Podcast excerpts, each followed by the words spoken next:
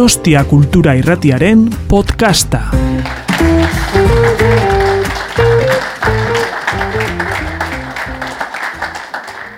Arratxaldeon guztioi, arratxaldeon itxaro, eta plazter bat, e, sora saldia, eta plazter bat ere jende, bueno, lagun artean ere, ze lagun asko zaudete hemen, bai itxarorenak, bai bionak, orduan e, hori ere plazerra da. Zer moduz itxaro, gogotxu, zatoz? Ba, bai, gogotxu, bai, bai. Ondo? Muga, Azteko muga poema. anitz zeharkaturik, Hori da, muga, muga asko pasa ondoren. pasa ondoren, bai, bai. Hori da, oso. E, poema batekin hasiko Bai, saioa? e, zuen presentzia eskertzeko bezala opari txiki bat eginen dizuet, laro goita biko poema bat. Begiratzen dut gogoan, burunaren zokoan etxe barneko usaina. Amak goizik egin salda, familiako mahaina, eta sukaldeko malda. Begiratzen dut gogoan ogoitzapenen zoroan, guztia ezkaratzean. Aitaren tresnen balantza, xingarazpien atzean, eta sagutxoen dantza. Begiratzen dut gogoan memoriaren gozoan, arindoan aizeona, ogien uhin horia, zeru urdinen sakona, eta lagosen loria. Begiratzen dut gogoan, bizitza nola badoan, ene herrikoen soa, perla sortu izerdia, ardoan galdu basoa, eta eran hitzerdia. Begiratzen dut gogoan, azken beltzaren mokoan, haur nintzeneko denbora, ur eta oian artean, nola lehen bedilora, zorion bat, anartean. Eskerrik asko itxaro. Bizitza nola badoan liburuko poema da, eta poema horretan ere badu zure poetikaren hainbat gako, gerora ere garatu dituzunak, baita baro poema bilduman. Hogeita sei urteko ibilbidea egin duzu poesian, lehen poema bilduma nola, e, bizitza nola badoan horixe izan zen maiatzen, eta azkena baro, e, inakik aipatu duen bezala, balea zuria argitaletxean. Beti amaika poema liburu uste dut argitaratu dituzula, amaika amabi, bueno, batzuk hortxe... Ez dut konturik Bai, atxikitzen. uste dut amaika amabi e, poema liburu direla e, argitaratu dituzunak. Guztietan askotariko gaiak eta moldeak erabili dituzu, baina badago hor ur laster moduko bat e, errepikatzen diren motiboekin eta errepikatzen diren kezkekin, e, poemaz poema badoazenak eta nolabait jorratzen dutenak zure, zure poetika, mm, nik eh, esango nuke politika bat ere badena. Ez, e, iruditzen zait eta pixkat horretaz ere hitz egingo dugu gaur, zure poemetan badagoela politika ulertzeko modu batetik ere. Eta mm, horren bidetik e, poesiaren eta politikoaren arteko lo- lotura horri keinu eginda Tina Eskajak aipat, aipatzen zuen, berak e, erresistentzia poesiatzat zuela e, zuk idatzitako poesia, eta Ibai Atutxak ere poetika errebeldea mm, ala, e, izendatzen zuen e, berak. Eta, bueno, pixka bat, e, orain e, egingo ditugun galderekin, sola saldi honetan, asmoa da poetika, politika horren e, gako batzuk e, zuekin konpartitzea, eta zuk e, horiek nola ikusten dituzun, edo nola sentitzen dituzun ere e, kontatzea. Badago zure literaturan, e, poesian oso nabarmen, baina baita beste literatur generoetan ere e, tradizioarekin jolas egiteko ariketa bat.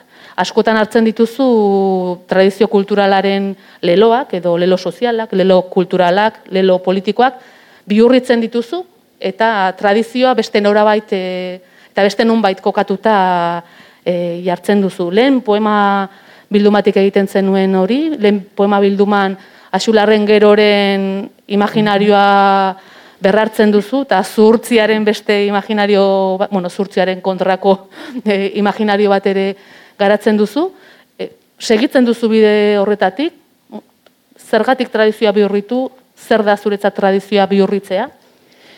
Ba, lehenik, uh, egan behar nuke, uh, enetzat uh, uh, tradiziorik ez dela. Mm, Badela bakarrik, egunero produzitzen eta eta eta aintzineko gauzak birziklatzen dugun joera hori. Ara. Eta tradizioa da, e, heren eguneko e, garaikidea. Ara.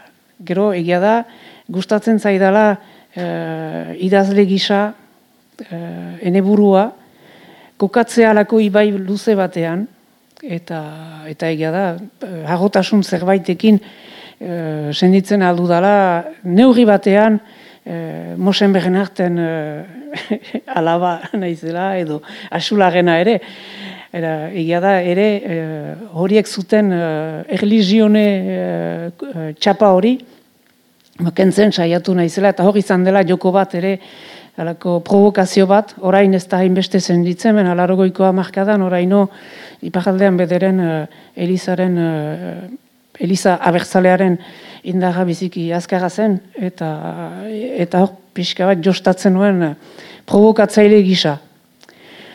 Erraiten dut orain a posteriori jostatzen nuela, jolasten nintzala, baina ez dut uste denbora haietan uh, jolasteko gugo askorik nuenik. Iduritzen zitzaidan Elizak, eta neurri batean uh, gaizki interpretatu uh, tradizioak uh, alako kartzela mental bat bezala osatzen zutela Euskaldunen eguneroko urratxetan. Edo hizkuntzan berean ere uh, hizkuntza ez zutela uzten denbora haietan beharrezko, eni, beharrezkoa eduritzen zitzaidan garapena hartzen. Hortarik, joko hori eraman dut, egia da asularekin, eta berriz etorri naiz, itzuli naiz berriz uh, mosen behenat, erat zure atzaren ez galtzeko bilduman.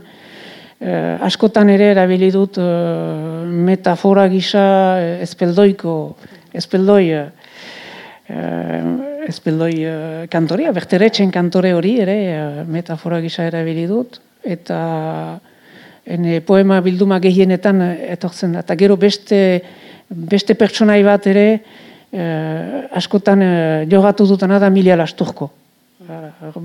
Makotxak badu bere, bere funtsa, eh, eh, ene, ene poesia gintza, no? Eta uste dut bai, eh, eh gauza, garantzitsua dela tradizioarekin eh, jolastea. Tradizioa, norberak ere eh, sortzeko punduan, bere, bere begibistan jartzea eta hori erabiltzea joko, joko politak sortzen dira hortarik. Eta denbora berean, eh, gure bidea azpatu duten hori ere omen aldi bat egiten diegu. Zenta, ez gira hutsetik atera, ez gira hutsetik atera ez gu eh, idazleak eta ez, best, ez musikariak, eh, ez zinegileak, eta ba, beti badugu olako eh, errentzia bat edo ondoretza bat eramaiten duguna haien ganik. Eta guri da horrekin zerbait egitea. Gure garaikide eta eh, ara, mamitzeko, aberasteko, biziarazteko, partekatzeko. Hori da, ez, e, ezagutzen duzu tradizio hori eta horrekin e, ba, bai. zure bideak egiten dituzu eta bihurrituta. Mm, mm. Eta tradizio literarioa esan bezala e, ikuspegi erlijioso batetik ozitan jarri zenuen lehen bildu martan, baina ondorengo bildu matan, eta baita lehen e, bildu martan ere, beste tradizio batzuk arrakalatu zenituen. Adibidez, begirada maskulinoa arrakalatu zenuen, e, besteak beste poema askotan e, itano femenino bat agertzen zelako, eta beraz irakurle neutro maskulino izan zitekena ordura arte gorpuesten zenuelako femenino.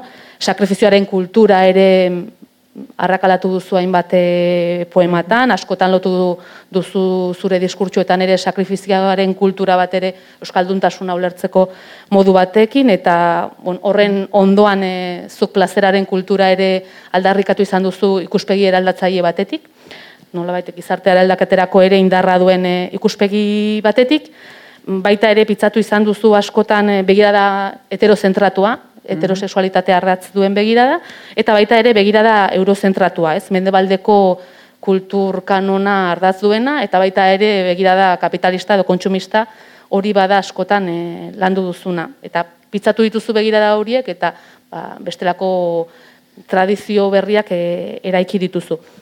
Bada alde hortatik oso dinamikoa zure poesia, beti errepikatzen dituzulako goza berriak, baina urrats batarago zoazelako, eta baro irakurri nuenean, iruditzen zitzaidan, berrartzen zenituela, ba, begirada feminista, begirada antikapitalista, ez begirada, esan dezagun, ez mende baldar bat, bueno, ba, zeudela aurretik jorratu zenituen ba, bueno, begirada poetiko-politiko horiek, baina iruditzen zitzaidan, ba, zegoela urrats berri bat, begirada bat agian, eta horrein mm, pixkat komentatuko duzuzuk, bestetan baino garatugo zegoena, eta begirada hori, ezak begirada ekologista den, edo ekologismoari begiratzeko modu berri bat. Natur paisaiak asko ageri izan dira lehen poema bildumatatik mm, azkenekora, ekosistemak bada ere gai errekurrente bat zure poesian, baina iruditzen zait oraingoan e, agertzen dira itsasoak, e, ez aipatzen dituzu itsasoak, plastikoen erreinu modura, kobaltoaz, azido hialuronikoaz hitz egiten duzu, izerbergen urtzeaz, beste gai batzuk ekartzen dituzu lehen lerrora. Mm, hala da? ez, nire sentsazioa da? Mm, bai, uh, badira e, hildo hori guziak, egia da, eta, eta egia da, uh, ni ere, ene garaiaren uh, hauga naizela. Hori, larogoiko amarkadan, uh, ogoi urten ituen, eta orduan, uh, gai horiek denak, uh, emazten begirada, uh, politikaren, Eh, kontra antisoziala izatea horrek denak uh, indarrean ziren uh, Europan. punk mugimenduarekin eta uh, posible zen Euskaraz idatzi eta punk espiritu batekin idaztea eta horrek egan nahi zuen gure ez bakarrik botere zentralen aurka da gure gure boteren aurka ere egitea. Eta agia da alde hortarik Eh, zu aipatu duzu sufrikarioaren mitologia hori, eh, bai, hori askotan eh, hori askotan erabili dut. Bena, kontra balantzatzen zuen plazeraren aldarrikapenarekin. Hain gutxitan lortzen dugun plazer horren aldarrikapenarekin. Eta e, ingurunearen presentzia beti hori izan da. Beti, zentani, laborari hau ganeiz. Beraz, enetzat, ingurune uh, arkaikoa edo arkadikoa, ene arkadia, berdetasunez, ibaiez, uh, egan ezake, uh, ene, ene, nik ere badutala obaba bat bihotzean. Ez da obaba, da horagarre. Ara, badugu uh, denek, uh, ari, eta alako mitologizatu dugun uh, ingurune bat, eta fundamentala dena, oinagizkoa dena. Baina hori, egia da, azken urte hauetan, azken uh, da hauetan, gehitu zaiola munduaren, uh, nola egan, munduaren uh, suntzitzearen mehatxua. Eta hor dugu, ikusten ditugu uh, glaziarak urtzen, ikusten ditugu ihanak erretzen, ikusten ditugu sumendiak iratzartzen, atzo edo, Ara, Islandian, mm, semila urteotan, lasai kilo zegoen sumendi bat ezartatzen hasi da. Ikusten ditugu gure janariak uh, kutsatuak dira. Uh, edo zein gauza egit jaten dugu, edo ikusten dugu, edo hunkitzen dugu plastikoz uh, emokatzen gira. Hartzen badugu gure jantzia dena, dena petrolioz eginak dira. Eta uste dut horren kontzientziarik ez ginuela lorogoiko hamarkadan, eta orain, orain horren kontzientzia badugula. Eta nola zen egitekoa den unkitzen nauten eta unkitzen gaituzten gaiak poetizatzea, nahiz eta ez diren gai nobleak. Gai nobleak dira pentsamenduaren ingurukoak, uh, ez da nik, maitasuna, uh, emeretzi garen mendean egiten zen poesia mota hori. Iduritzen zait, beharrezkoa dela poetizatzea, kontzientizatzeko. Lehenik, idazlea bera eta gero irakurlegoa. Uste dut hori garantzitsua dela eta bon, ez, du, ez du poesia bate mundua salbatuko, hori alabaritz jakina liteke eta egesago liteke, baina uste dut uh, hala ere badela zer erran eta zer idatz eta gainera dena lotua da uh, lugaren uh, lugaren txuntxik eta pertsonaren txuntxiketarekin lotua da. Eh, bere hageman ekonomikoen e, suntxiketarekin. Orain ikusten dugu pandemiarekin. Pandemia da e, e, azaleratzen duen e, fenomeno bat. Hori guzia azalera ekartzen duen fenomeno bat. Ara, eta sego naiz ere, pandemiarekin poetizatzen aldela e, erakusteko ze, zer dagoen e, barnean. Eta fu, funtsean poesiaren e, zer egina hori da, hitz gutitan, hitzari espazioa emanez, e, e, hunkitzen gaituzten gaiak paperean etzatea eta paper hori partekatzea. Eta azken eh, lau amarkada horietan ez dut e, hori egin dut. Hori egin dut eh, bildumaz bilduma. Eta ere, enei duriko nobeletan ere sartu dut, tematika horiek nobeletan ere garatzen ditut beharren arabera. Eta nahiko lotuta doa, azken nobeletareko bat, azken ondakinako ere, hain zuzen ere, bai. dezagun begirada ekologista bai, bai, bai, bai, bai, Nahiko lotuta doa. Denak lotuak dira, bai, bai, bai. bai. Eta mm, omenezko poema desente idatzi dituzu, eta gero horretaz e, gehiago hitz egingo dugu, baina abaron ere ba, egin diozu poema bat, e, Raixe Elkarson izeneko e, zoologo eta itxas biologo estatu batu barrari, nik ez nuen ezagutzen, mm poema bildumari eskerre ezagutu mhm. dut, eta ulertu dut ere omenezko poema hori kokazitekela ba, izuzen ere begirada edo gogo bai, eta bai, edo bai, kokapen berri horretan. Mm -hmm. Nundik dator? Hoi da, nundik gato, zer egiten dugu luguntan, zer usten dugu egiterat, e, zer e, ez dugu nahi egin dadin gure izenean. Eta hori e, edo zoin alojetarat aplikatzen alda. Rachel Carson horrek e, idatzi zuen silent, e, silent, udaberri isila. Ara, alako, DDT-aren inguruko ikerketa bat, DDT-aren debekua ekarri zuena estatu batuetan eta gero mundu, mundu mailan. Ikusiz e, DDT-a hedatzen zen, ez dakit, hemen diren adin gure belaunaldikoek, ezagutu duzu DDT hori, e, uluen hiltzeko eta erabiltzen zen, sukaldeak isten ziren eta vrov, botatzen zen ehauts hori, eta hori e, pozoia zen, pozoia zen e, bizidunentzat, pozoia zen naturarentzat, Eta egia da, e, berri katastrofistak ditugula naturaren edo, edo ekologiaren frontean. Eta Rachel Kartzuni, noiz bait, erraiten diot bai, zure liburua hori da, baina hor dira orain horiak. E, e, uda berri hau bederen e, zaratatsua izanen da. Eta beraz, bada, bada esperantza bat. E, zenta, ene, E, iduritzen zait, batzuetan, badut, usten du dala hala ere, esperantzari bide bat idekitzen dio dala. Ez da, beltzak dira, ene poemak egia da, hori leporatzen zait askotan, pesimistak eta bak, baina batzuetan usten dietorako e, zirikitu bat e, arkitasunerat. Bai, ez, egoten da ere eraldaketarako, ez, desplazatzen bai. bitartez eraldaketarako bai, bai, bai, aukera bat. Bai, ez baita, deus ez baita finkoa. Hmm. Deus ez baita, nahi ginuke, dena finkoa izan dadin. E, e, bihar gau bezalakoa izan dadin. Baina no ezin da. Eta, eta atzuen zuten nuen uh, Delfin Orviller, Pariseko errabino handere bat. Arek ere gutxi dira, baina badira zonbait. Eta arek erraiten zuen, ez gira konturatzen, baina gure bizitza guziak, nahiz eta finkoak izan eta seguruak izan, kaosaren gainean eraikeak dira. Bestela eliteke bizirik. Ara, Eta hori da pixka bat nik ere er, errabinoa izan gabe. e, e, lantzen dudan bide poetikoa eta eta ene literatur bidea orokorrean. Eta esan bezala, omenezko poemak e, askotan idatzi dituzu, poema bildumatan zehar. Oker ez banago, Mila Lasturko rebesitete izan daiteke omenezko lehen poema bilduma, Mila Lasturko hori egindakoa? E, Bai, uste du bai, bai, bai, bai, bai, bai, bai. Lehen, mm. bueno, nik, nik behintzat bai, bai. gogoan dudala. Laro goita bostekoa da hori, bai. Bai, Miguel Astur, bai. Bai, lehen, e, erdiaroko eresi bateko protagonistari e, omen egiten diozu, baina gainera protagonistari hitz egiten diozu. Bai. Ez da bakarrik protagonista modura gertzen eresi bateko bueno, bai. protagonista.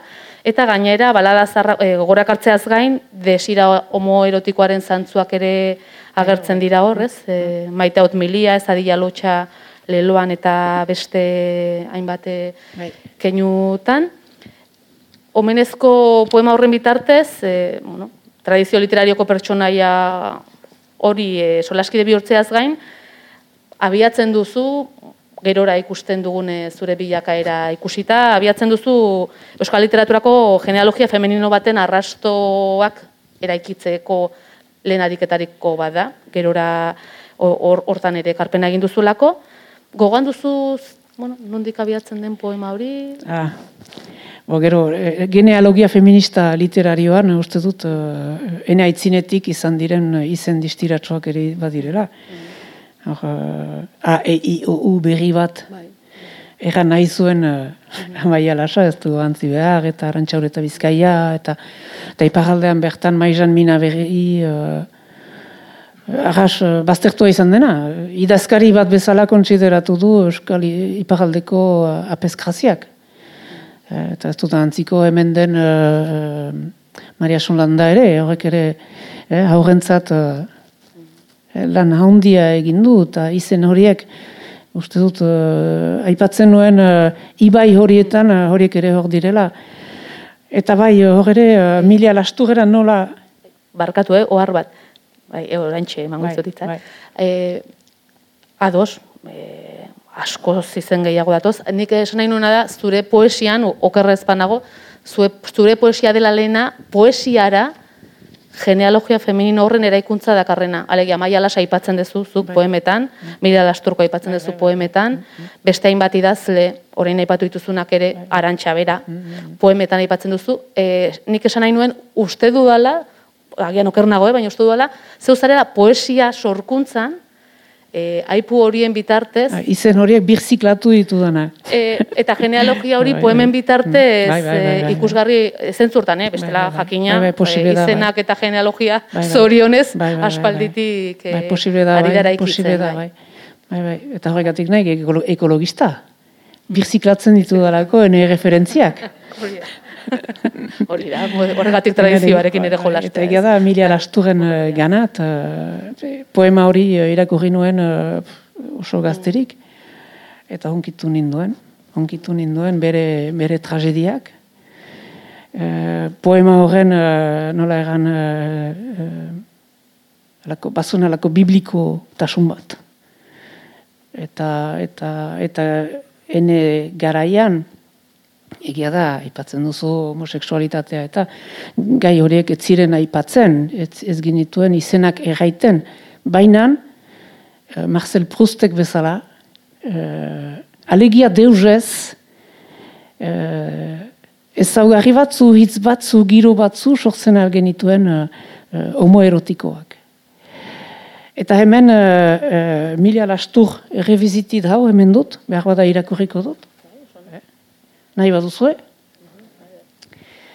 Eta egia da mintzonatzaiola noka, uh, zuzenki, eta eganez haugi nik maiteko haut, ez pa hau uh, nehork maite, nik maiteko haut. Hori ere, uh, nokakoa etzen biziki ongi ikusia denbora haietan. Eh? Hori zen, uh, sakurrekin eta ardiekin eta uh, gu baino beheragoko ziren uh, klase sozialekin hitz egiteko erabiltzen zen uh, eh?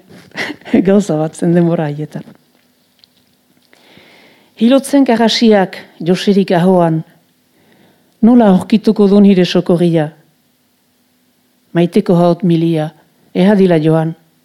Ator, edan dezagun arda ogoria.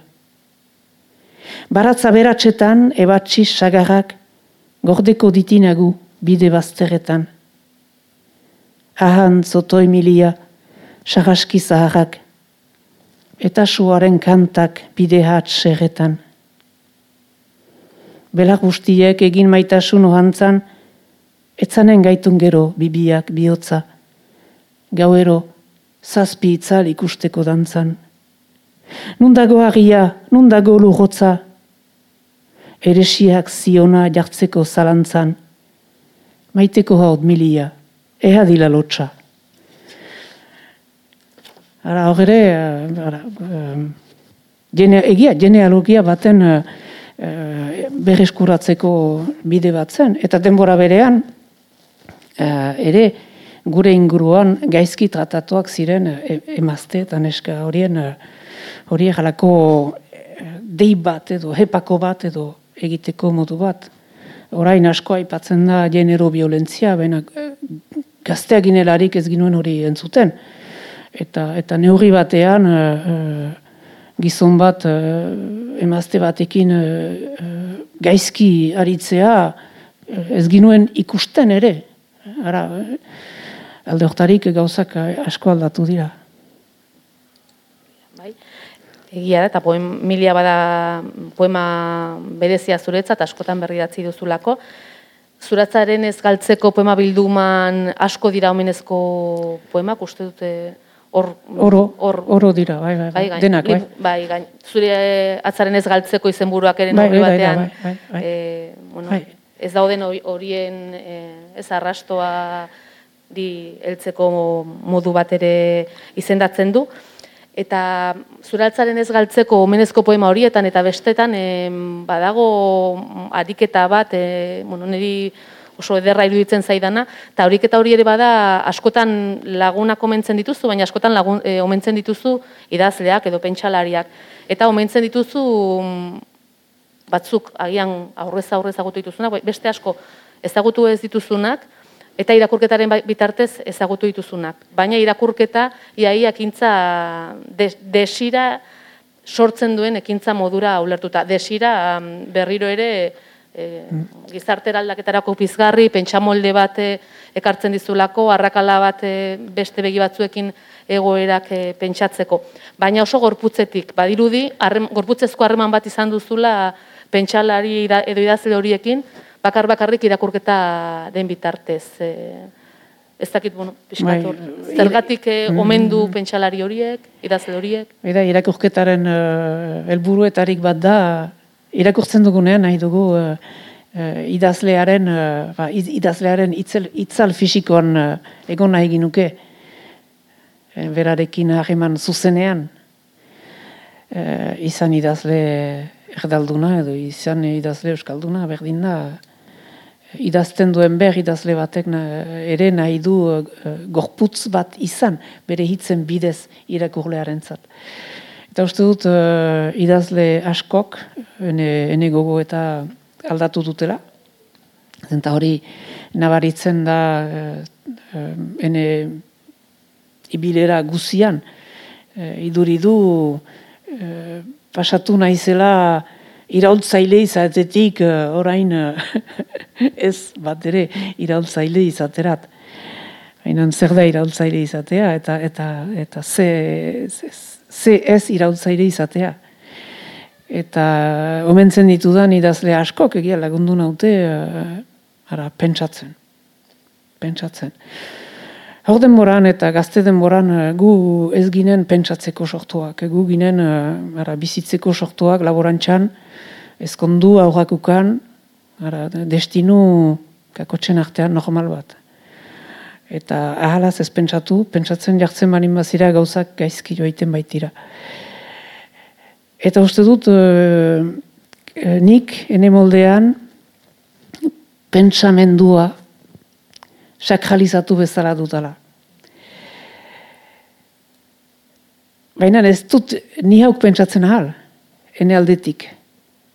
E, idaztera noalarik, e, hor ditut beste guziak ere eh, eh, hor ditut Anna Arendt, hor ditut Joyce, hor ditut Virginia Woolf, hor ditut uh, Amaia Lasa, edo zoin, hor dira ene inguruan.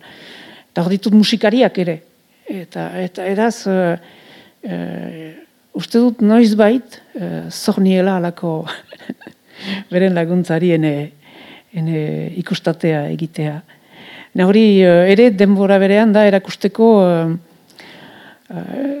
ironikoa da ere denbora berean, zenta uh, batzuek uh, uste dute uh, laborantza mundutik ateratzen naizen idazlea izanez, ez dutala erreferentziarik. Eta egia da, poema asko idatzi ditu dara iduriz erreferentziarik gabe.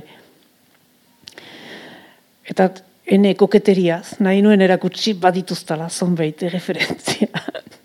hemen badut poema bat, behar da, ira. Hemen, hemen da, Madonarekin. Pixka bat... Uh,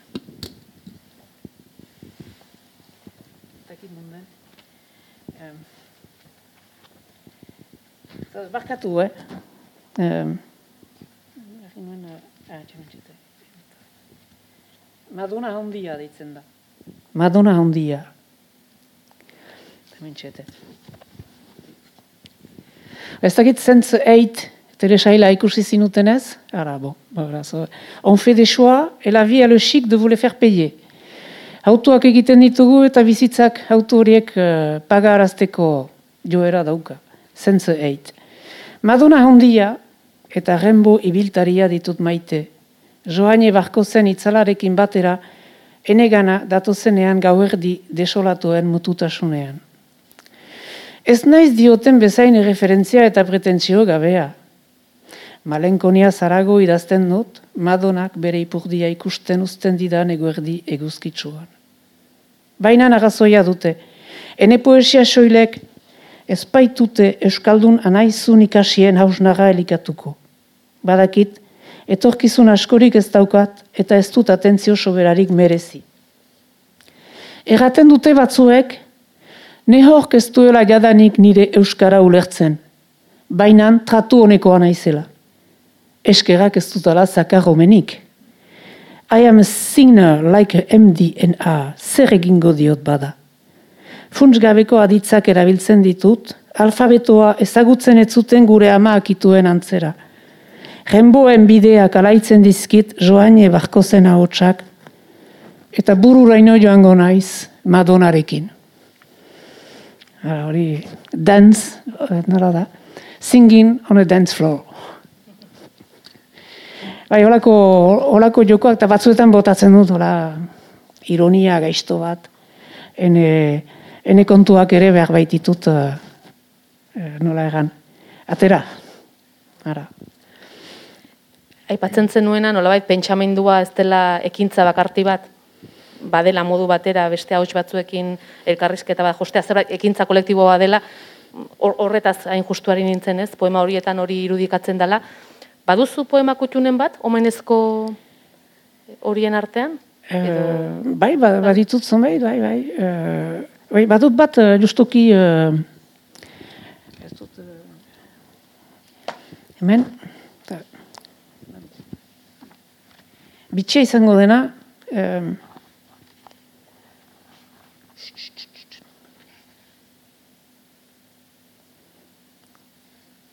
behar da zutatzen banen.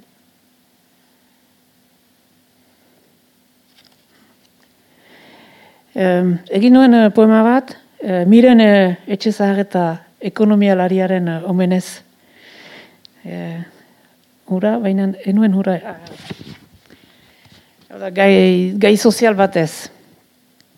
Uh, Christophe de Jour, da frantses uh, uh, ikerlari bat, uh, psiko, psikosozial arriskoak lantzen dituena. Gau da, laneko bullying eta olako, olako gaien inguruan uh, lehena idatzi zuena mila behatzion tarargoita ama bostean. Eta ez dut bera ezagutzen, baina bere liburuak ezagutzen ditut, bera ezagutzen banu bezala. Hara, egantzidan, zorion txuena, lan lasaia dagiena. Oh, Badakizue postari izan naizela ene bizitzan. Beraz, lan lasaia. Iriz lehertu nintzaion, bai hala da zinez, loriatzen naiz lanean. Heren egun, angelun lankide bat bere buruaz beste egiten saiatu zen. Elburuak lohtuz, akziodin, akziodunak aberastuko ditugu bizirik edo heriotik. Iriz lehertu nintzaion, bai hala da zinez, lanaz ez dut kesatzekorik. Alabaina, bulego gainean, urka bilura haiduru daukat. Hara, egan nion, zorion txuen anaiz, iraun beza, iraun beza, iraun beza, iraun beza. Hara, holako, holako poemak ere, uh, omen poemak dira, menan denbora berean, uh, gai, uh, gai gogorak ere uh, aipatzen dituzte ez ditugu gai horiek ere e, lanean lanagatik beren buruaz beste egiten duten langileen gaia ez dugu baztertzen ahal. Eta bereziki, uh, uh, ni bezala, uh, gai horiek urbiletik ez, ezagutu ditu dalarik. Bai, egila da, ez? Bai, poema, omenezko poema horietako gehienetan pentsa molde bat ere edo Bai, kritika bai, bat bai. edo halako bat badago. Eta e, aipatu bezala, orain aipatu bezala, zure poemetan ikuspegi sozial hortatik e, langile klasea, desjabetuak, azpiratuak, badira ere horiei ahotsa emateko ariketa bat, ez? Bai, bai, eta, eta gainerat, uh, uste dut, uh, ni ere mundu hortarik, uh, nik ere mundu hortarik idazten dut Zure ahotsa dela. Uh, ja, ene ahotsa ere da, eta, eta, eta ez dut besterik, ez dut beste ahotsik. Eh, Ez naiz gehiago laborari, ez naiz eh, klase ertainekoa, da, eh, naiz langile argun bat, gainerat eh, eh, funtzionario frantses bat, izan naiz.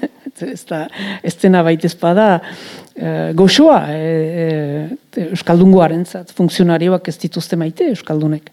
Eh, funtzionarioak, eh, Ara, behaz hori guzia, eta egia da hortik idazten dudala. Ne- leku hortarik. Eta konturatu naiz hortaz, orain lana utzi dudalari konturatzen naiz zelekutarik idatzi dudan. Eta eta poesia idatzi dut hortik ere. Gero, gero egia da sindikalista ere izan naizela, eta grebak egin ditu dela, eta mundu hori ezagutzen dudala ere barnetik. Bai, eta egia da zure ahotsa dela, baina e, mundu hori zurea denez ere, mundu hortan dauden beste ahotsu batzoi ere Bistan dena, leku, bai, bai, bai, bai, eh, bai, bai, bistan dena, hor, hor, bai, bai, hor, hor, hori ere, lan mundua, harreman mundu bat da. Batzuetan harreman aletala da, baina eguneroko harremana e, neurri batean premiazkoa da lanean ari, ari denaren zat, bai. Beste gai bat eh, badu lotura, baina beste ikuspegi batetik, aipatu duzu gorputza ere, irakurtzen duzunean eh, idazten duten horien gorputza, baina zure poemetan askotan agertzen da subjektu gorpuztu bat, ahots hori ahots eh, gorpuztu bat da, E, bizitza nola badoan e, bilduman ere e, bazegoen ariketa moduko bat edo iruditzen zai bazegoela ariketa moduko bat gogoa eta gorputza aipatzen zan da gogoa zan esan dezagun axularrek eta erligio tradizio batek ordezkatzen zuen e, bueno, bide bat eta gorputzaren aldeko aldarria ikusten da zure poemetan, festa aipatzen da, dantza aipatzen da, eta badago poema bat, bueno, niri zugarri gustatzen zaidanak azkezur poema, Bai, bai, bai, bai. Eta hain zuzen ere poema horretan e, kontatzen duzu e, gorpu baten, eriotzaren ondoren, e, bueno, gorpu baten e, Lurtzea. e, hori da, nola usteltzen da, dabar tabar, ez? Azken batean, pertsono materialtasuna aipatzen duzu, sujetu gorpuztuen bitartez, ba materialtasuna ere zure poemetan beste hainbat modutara agertzen delako. Gogoan dut, e, bueno, aipatzen duzu ere askotan e, gorputzaren mintzoa aipatzen duzu, eta hots betea hots bilduman, aipatzen zenuen sabel iztuna naiz, garun iztuna naiz, alu iztuna naiz. Eta hain zuzen, Xamiera Bezagak e, aztertu du Gabriel Arestiren poesia, eta bere mm, e, azterketa hortan aipatzen zuen Gabriel Arestiren gorpuztua bazela poetika bat, e, bueno, poetika hortan gorputzak etzula edo subjektu gorpuztuak etzuela leku gehiagirik, eta horren ondoan e, jartzen zuen e, adibide modura besteak beste zure poesia, eh? bazela hor gorputzaren kokapena zuen e, poesia hori. Modu kontzentean egin duzu, ondoren e, torri den gogoeta bada, Ba, espero dut modu kontzientean egin dudala, baina e, batzuek kantatzen duten bezala, inoiz ez da jakiten noiz. Ara, ez, da- ez dakigu. Ez dakigu ze kontzienteki, ala inkontzienteki idazten ditugun poema batzu. E, gertatu izan zait poema bat, e, berriz itzuliko nahi zure galdeari, baina poema batzu idaztea e, lehen txistan berean, eta hor ziren, emanak, mirakoilu bat bezala, eh, lantzearen beharrik gabe, eta beste poema batzu landu ditut, mm, landu eta landu, zizelkatu, bekandatu, hitzakendu, hitzak erantzi, eta lan luze baten ondorioz egin poemak badira, eta beste batzu dira emanak, hala ditzen du. Gorputzarena eh, batzuetan emana izan da, zen, eta gauza argia baitzen enetzat, eh, gorputzetik idaztea. Ara, gorputzetik idatzi behar hori, ez dakit zergatik, eh, behar bada eh, gorputzak sufritzen duelako, edo gorputzak sufritzen zuelako, edo duelako, beti gorputza da lehen sufritzen duena. Eh, eta sufrikari hori eh, eh, ez, delako, ez delako on eh, konbentzionalki poema bilakatzeko. Fe, Gure jendartetan. Gure jendartetan sufritzen zen, baina isilik. Eta negarrik egin gabe. Eta hola bizi izan gira, hola heziak izan gira, gu eta beste hainbat, eta hemen zirezten asko ere berdin eh, gu bezala. Egan nahi dut, gorputzaren ukamenean eraiki e, e, jendarte bat ginen eta gira oraindik ere naiz eta e, gorputzaren aipamenak eta gerota gerota ugariagoak diren bai poemetan egia da e, uste dut alde hortarik e, Pierre Lafitek e, bere hala sumatu zuen gorputzaren presentzia gehiegia bazela bere egin e, bizitza nola badoan bildumaz egin zuen olako zutabe batean, bere hala egin zuen. Funts guti eta fantzesia enitz, ara, eh, eta, go, eta gorputzetik, eta eh, etzela, etzela egiten, hala, ni, ni, bat, ni gorpuztu batetik hitz egitea. Eta egia da, alde hortarik, eh, lehenetarik izan naizela, ni gorpuztu eta feminino hortarik eh, idazten eh, eh, hasi zena. Eta hori ere, etz, denbora haietan, etzen ongi ikusia. zen, Eta eh, emazte bati, ez zitzaion, hori egan dugu, ez zitzaion idaztea, ez zetzen begionez ikusten emazte batek idatzezan. Lan gordekako lana egiten altzuen, hori Marisa Mina berri, horren eredu eh, ezinbestekoa da. Gordekako lana egiten altzuen, mena lana gau eta egun, Baina ez zuen eskatu behar, bere izena, e, taula gainean, e, emana izan zedin, ohoratua izaiteko edo eskertua izaiteko ez. Eta uste dut alde hortarik, e, gorputzaren presentzia, da, da lugaren presentzia ere. Gorputza, luga, dira, eta gainerak askezo poema hortan ikusten da gorputz bat lur bilakatzen. Eta horren ondotik etortzen da, hogeita lau urteko poetaren testamendua ere, bizitza nola badoan bukatzen duena.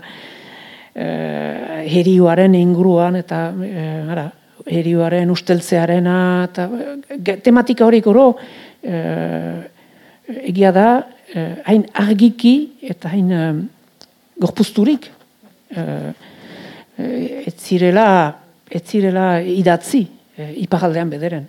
Eta hegoaldean ere pentsatzen dut e, Eh, behar bada gorputzaren eh, sentim, sentimendu eh, egiazkoago haukan baginu eh, gorputz asko ez genituen sakrifikatuko.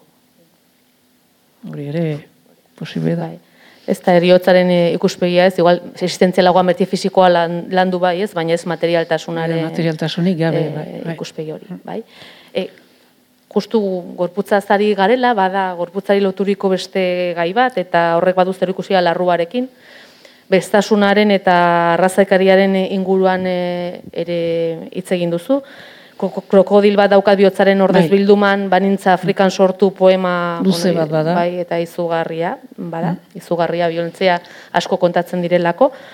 Eta azken abaron ere poema batean e, bai, e, pertsona arrazializatuak agertzen dira, eta arrazaren inguruko gai hori eta arraza zapalkuntzaren gaia balarogoiko markadatik jorratu duzuzuk, momentu honetan bada esan dezagun e, gizartean lehen lerrora etorri den gaia, Bai, bai, uh, betidanik, uh, uh, gero, enetzat, jendea, humanoa, Afrikan sortu da.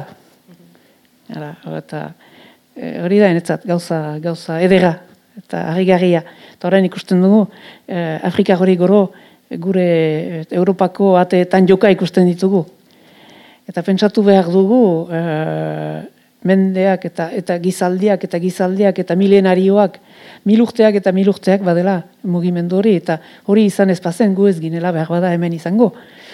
Eh, eta Etiopiaren eh, ganako dutan eh, fascinazio hori ere hildo hortarik doa.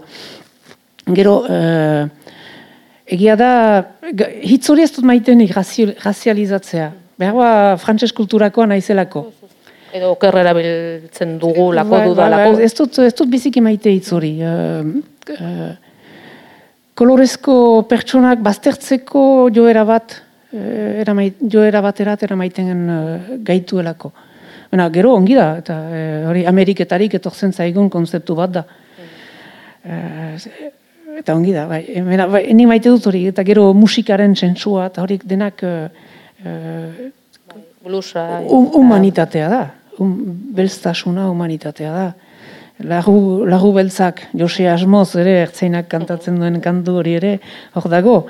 Eh, eta lagu beltzak dira ere, eh, eh, usteltzen doa zen lagu puska horiek gure, gure gorputzean kendu nahi ditugunak. Hona da, egia belztasuna, hori, beltza da gehiago uh, netzat gai, uh, erdiko gaia, gai zentrala. Gero beltz horiek, egia da, eh, idazten dut, idatzi dutela migratzaile, migranteetaz, asko ere, asko idatzi dut. Novela oso bat bada. Eh, ezer, Ezer gabe- hobe, ezer gabe hobe. Eta, eta bai, e, interesatzen zait, e, eta iduritzen zait, e, batzuek lagoa dute beltza, eta, eta, eta nik adibidez, barnea dut beltza. Bai, eta orduan, hor, ez da arraza historio, ez da, eta ez da arrazik ere munduan. Denak gira espezia berekoak.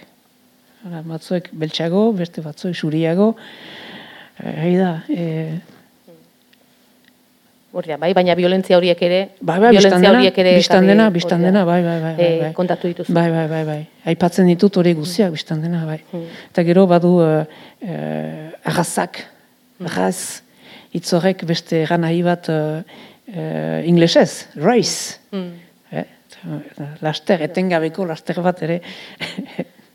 ah, be, badut poema bat, lastera eta Etiopia lotzen dituenak ikusi dut hementxe. Baita, zuzen ere, urrengo galdera, bai, bilatzen duzun bitartean, bazan pixkat Bai. hortik, eh, zure em, poemako subjektu gehienak, ahots gehienak, ibilian ari direlako, bai. ahots ibiltariak dira, alderrai da doazenak, nora ezean, mugimenduan, Bai, doaz, beti, bai. eh, Ene, beti. ene aditzik uh, kutxunena ibili da. Mhm. Ibili eta izan. Bilaketaren eh, Bai, e- etengabeko bilaketa hori. Mhm, Hori da. Eta ibilian doazenez, ba, ahots horiek, e, geografiek dute e, gerozta gehiago gainera iruditzen, ez? Gerozta zure poesiak edo ibilbideak aurrera egin eta azkeneko bildumetan lekutu dituzu askoz gehiago poemak, e, leku konkretuetan, Euskal Herriko herrietan edo kanpokoetan eta ibili dira ahots horiek oso geografia konkretuetatik. Bai, Dekutze horren beharra, bai, Mm, uh, zentratzea, errotzea, sustraitzea. mhm. Bai, bai, hori bai. Uh, Egita egia da, e- ere behar bada ni aurk ere eh, mundua, eh, ene munduaren zati, zatiak pixka bat gehiago ibili dudala.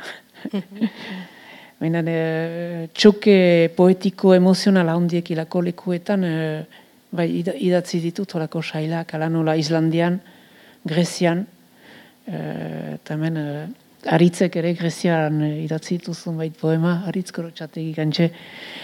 Ara, eta azken bilduman e, elorioko arginetan dut, aurkitzen argiet, argitasunaren funtsa. Eta izan daiteke, ara, izan daiteke egan duzun bezala e, munduko leku bat edo hemengo leku bat. Gai baten, e, gai baten jogatzeko egokia dena. Edo naturarekin eta eta e, izatearekin e, halako elkarrizketa bat sortzeko gai den leku bat. Edo elkarrizketa hori pizten edo akuilatzen duen leku bat. Eta, ara, Eta behar bada, Etiopiara ditzuliko gira, aipatzen bai ginuen, eh, aipatzen bai ginuen nola ditzen da, eh, jendearen edo gizakiaren edo eh, izatearen eh, egoak.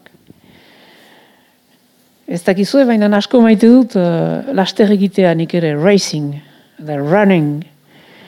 Hala, hori, asko maite dut hori. Eta beraz, eh, egin nuen alako omenaldi bat, hau ere, tirunes di baba, e, lasterkari etiopiagari, Londresko 2008ko Olimpiak jokoetan, emaztean e, hamar mila metroko txapelgoa irabazi baitzuen. Mm Etiopiaga bera. Biotzean lore, Etiopiaga laba, poteta hore, tirunez dibaba. Lasterrean duzu argitzen, lasterrean usu argitzen da naba irabazten duzu tirunez dibaba. Duzula ahoan talo eta baba zaitugu gugoan tirunez dibaba. Geroa kantatzen entzuten da aba. Egoa landatzen tirunez dibaba. Kopetan izerdi, lurminetik laba, guretzat itzerdi, tirunez dibaba. Biotzean lore, Etiopia galaba, poteta hore, tirunez dibaba. Horako, poema joko, iz joko eta soinu joko horietan uh, dena sartzen du. Etiopia, uh, gizakiaren egoak eta emigrazioa, kirora, lehia eta plazer hori ere, izerdia eta hori gorputzaren, gorputzaren presentzia hori, galtzerakoan eta hor kasu hontan irabazterakoan. Eta baron ere, izaera ibiltaria irudikatzen duzu, azken poema bilduman, baina badago itzulera bidaiaren e, zantzurik ere, ezin ezko itzulerak dira asko, ez? E, aurre mm. historiara, jaioterrira, amaren etxera, e, ez dagoen amaren etxera. Denboraren zirkulartasunaren ikur, zer... Zenta uste dugu beti uh, partitzen girelarik, uh, partitu giren lekurat itzuriko girela. Eta hori poema askoren uh, gaia da. Baina konturatzen gira, uh, partitu giren lekua ez dela sekulan izango, itzuliko giren likoa, likoa bezalakoa. Aldaketa bat gertatuko dela e, bien bitartean, e, kanpoan egon ziren denboran. Eta hori e, askotan tragedia bat da ere. Zenta itzultzen zira eta ahotz bilakatzen zira zure lurrean bertan. Eta uste badutala bilduma bat, edo bi dira, bestaldean eta orain, agoztasun horrekin itoak direnak eta eta batzuetan uh, poema horiek irakurtzen ditu dalarik harritzen naiz zen neugitaraino izan naizen agotz uh, Euskal Herrian bertan. Eta eta ban, badut desesperatzeko hori irakurtzen ditu danean.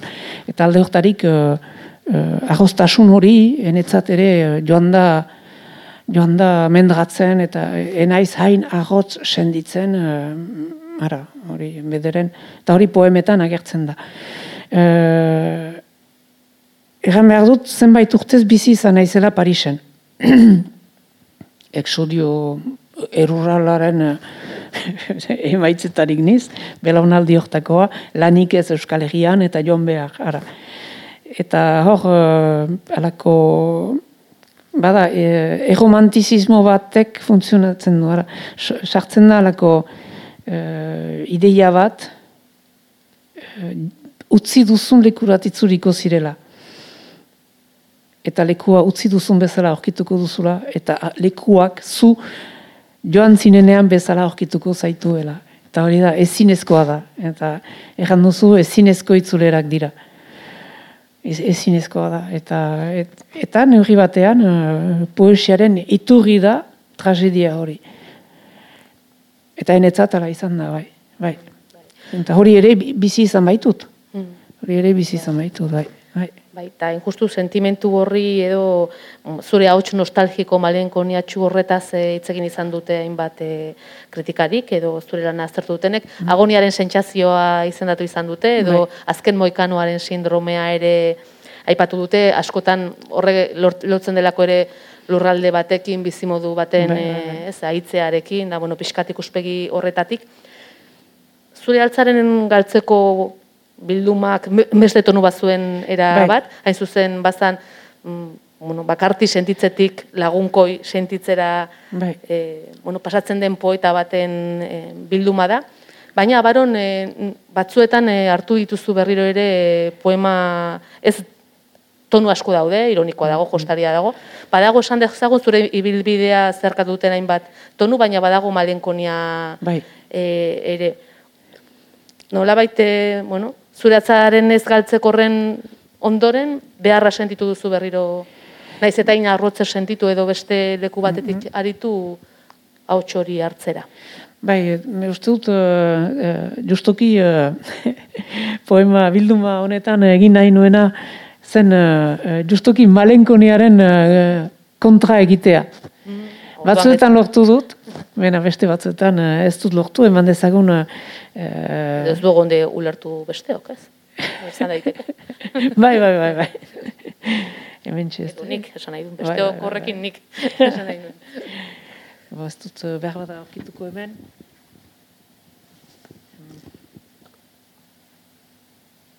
Eh, egin nuen...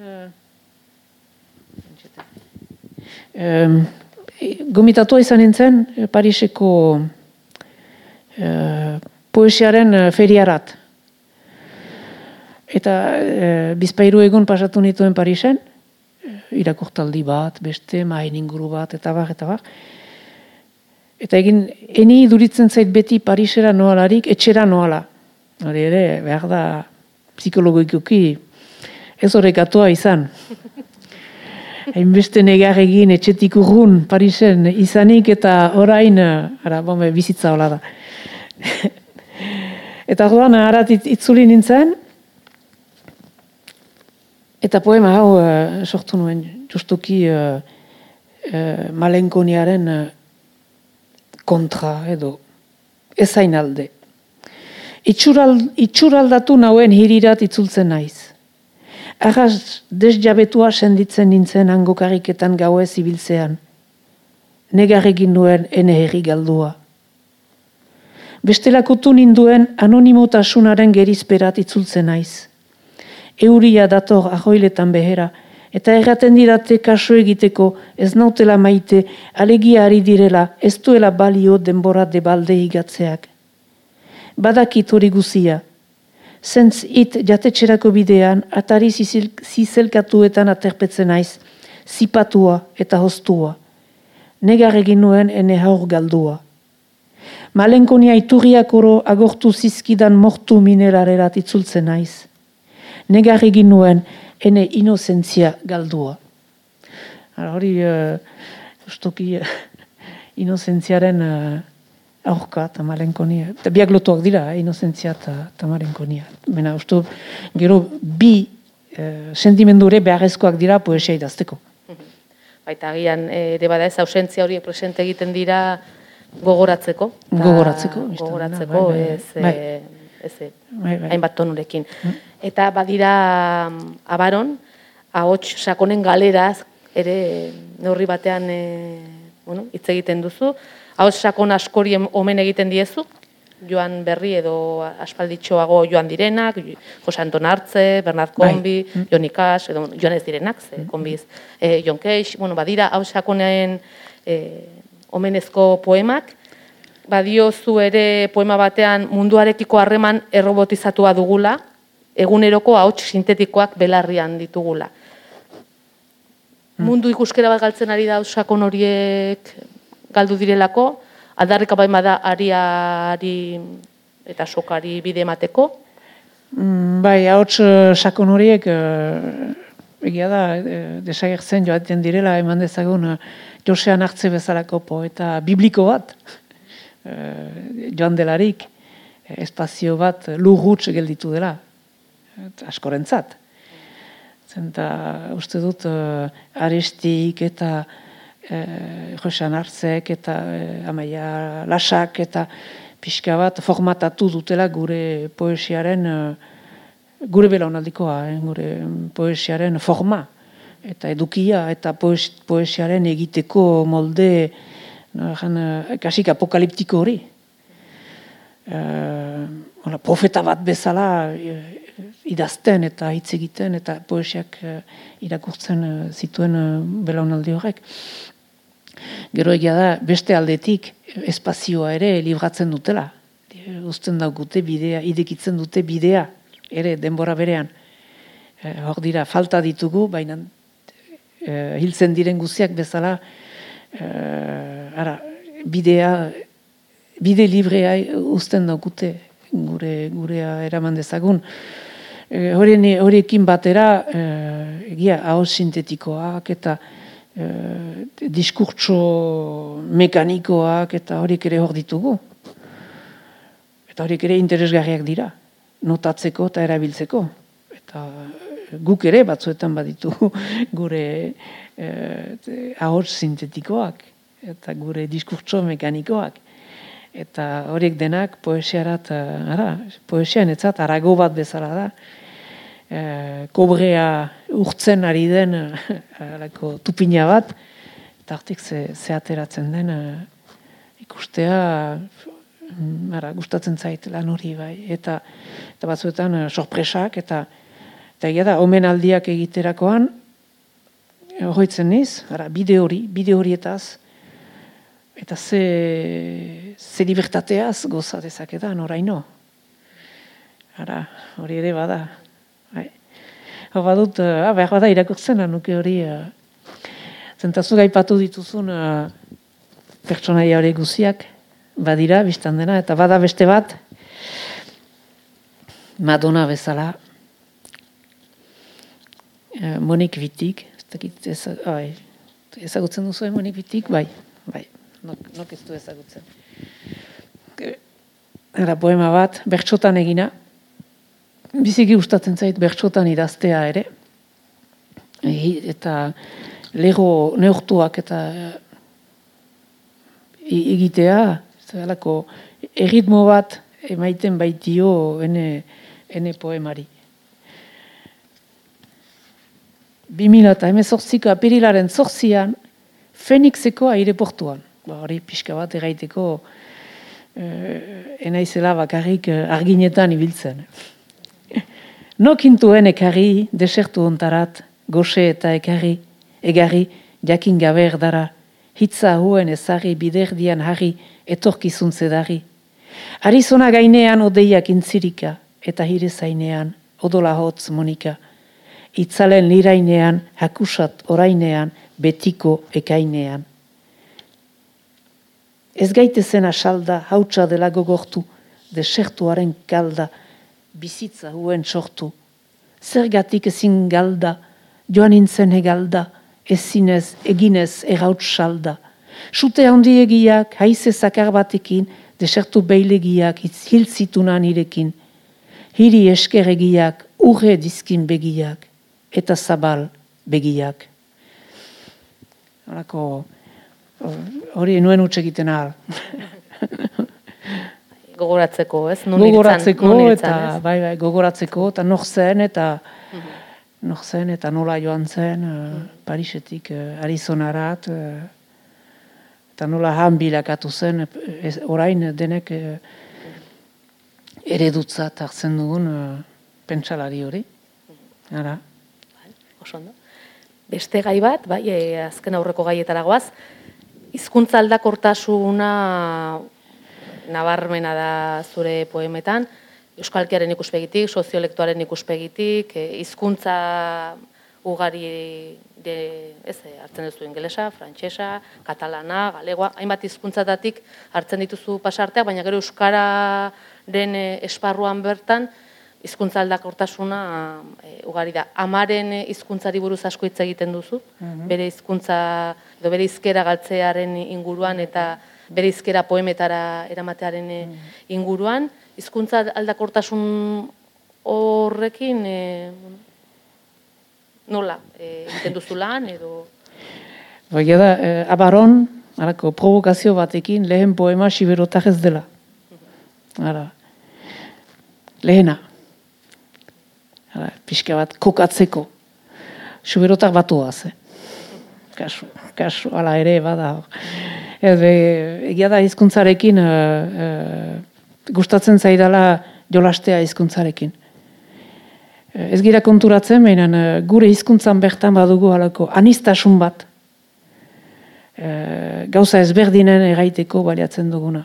Eta ustut, literaturan e, pena litekela e, batu, finko eta, eta funtzional batean idaztea, kusiz nola, nolako altxoga dugun bazterrean. Ara.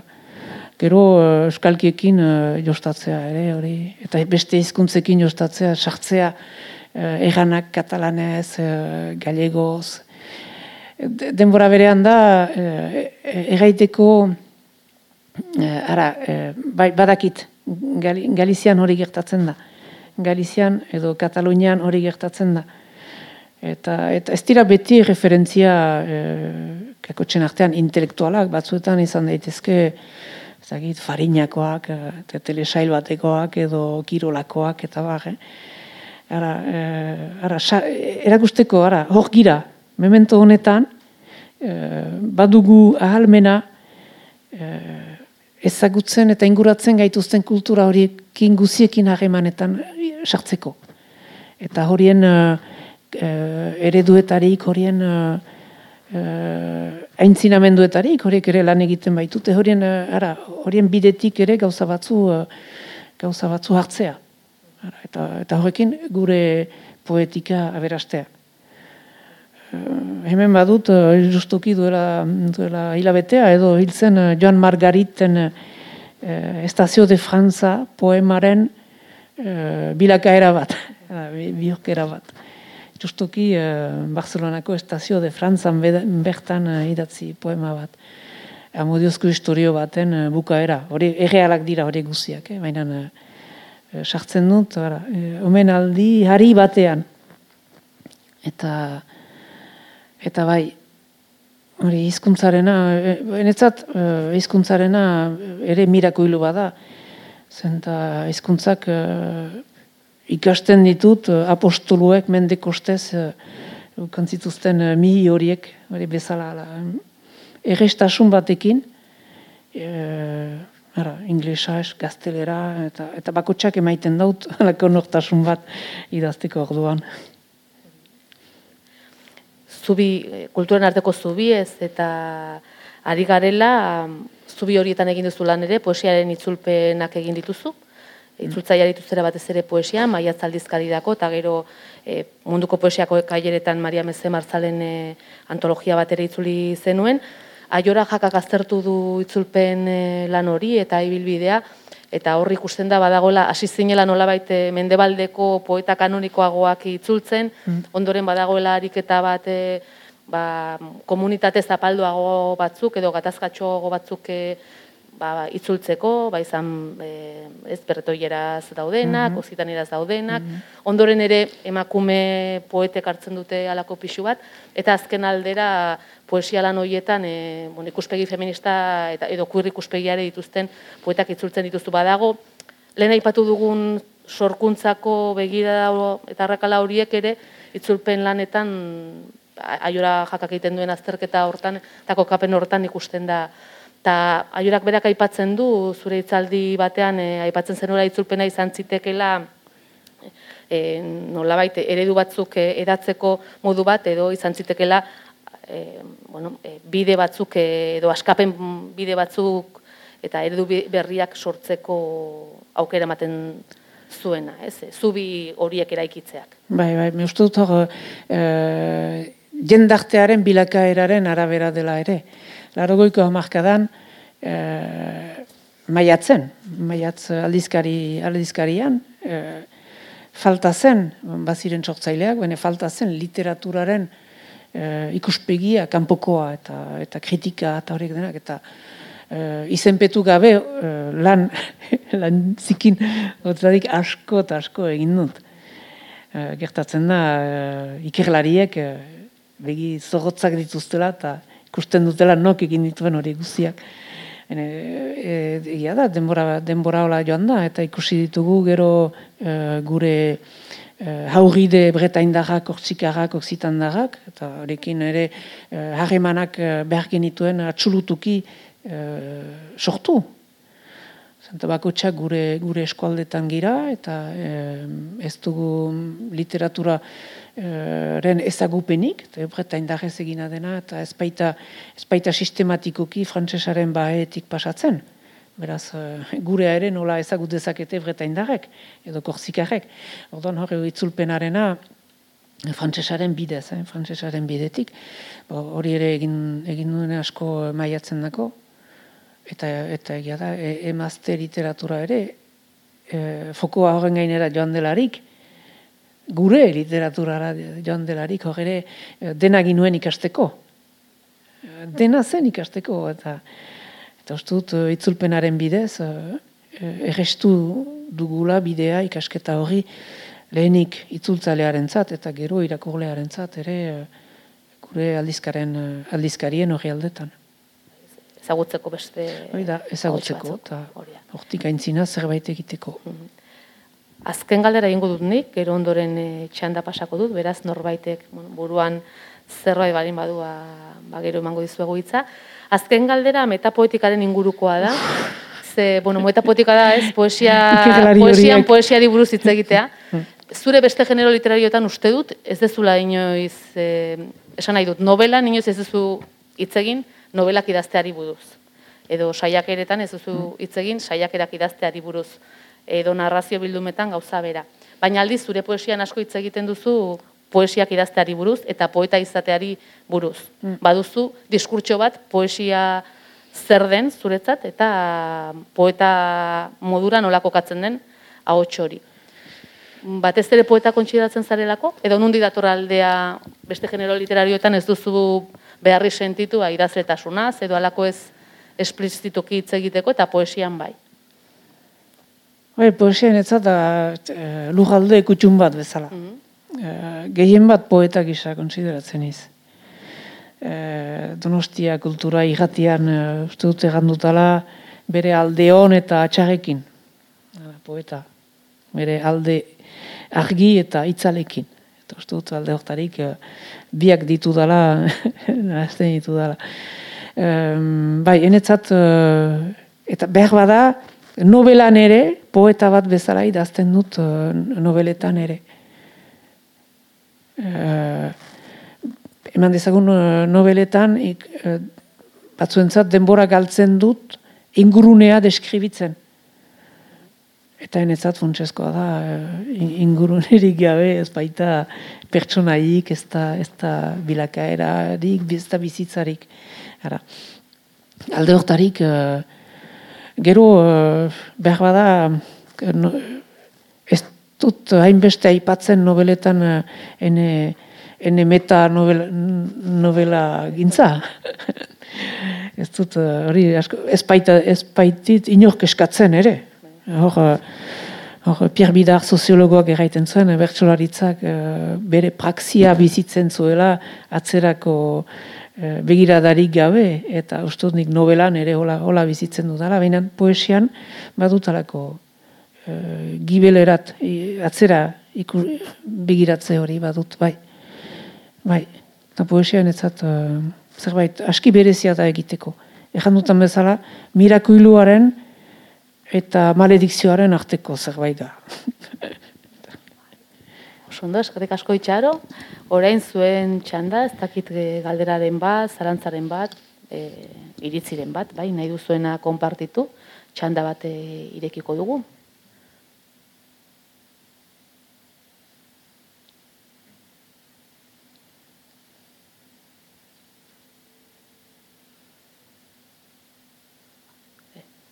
Edo, bukatuko dugu poema batekin. Bai. bai, bestela poema bat eta isiko dugu, bai, eta horrela pixkanaka. Joango gara gorputzak ere mugitzen beharra izango dugulako ere, bai.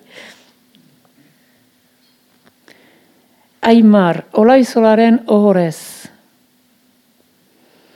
Bizitza irakaspen bat eman zigun ondagaldian ere. Galtzaile eta agiat akitua zela zioten gure igandeak hitzez azpiltzen dituzten tolosak eta euskitzek.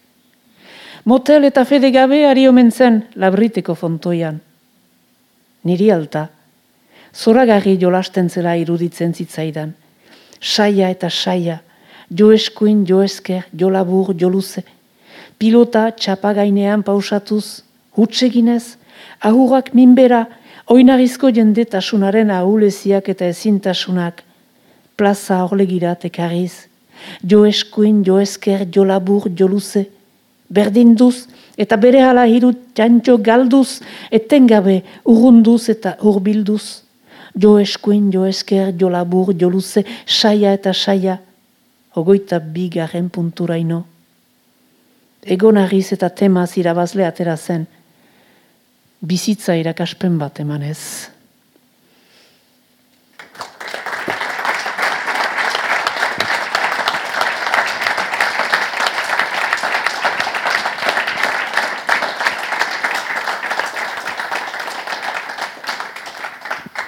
Eskerrik asko tortzagatik, torain arte hortxe egoteagatik, eta gabon guztioi. Mil esker.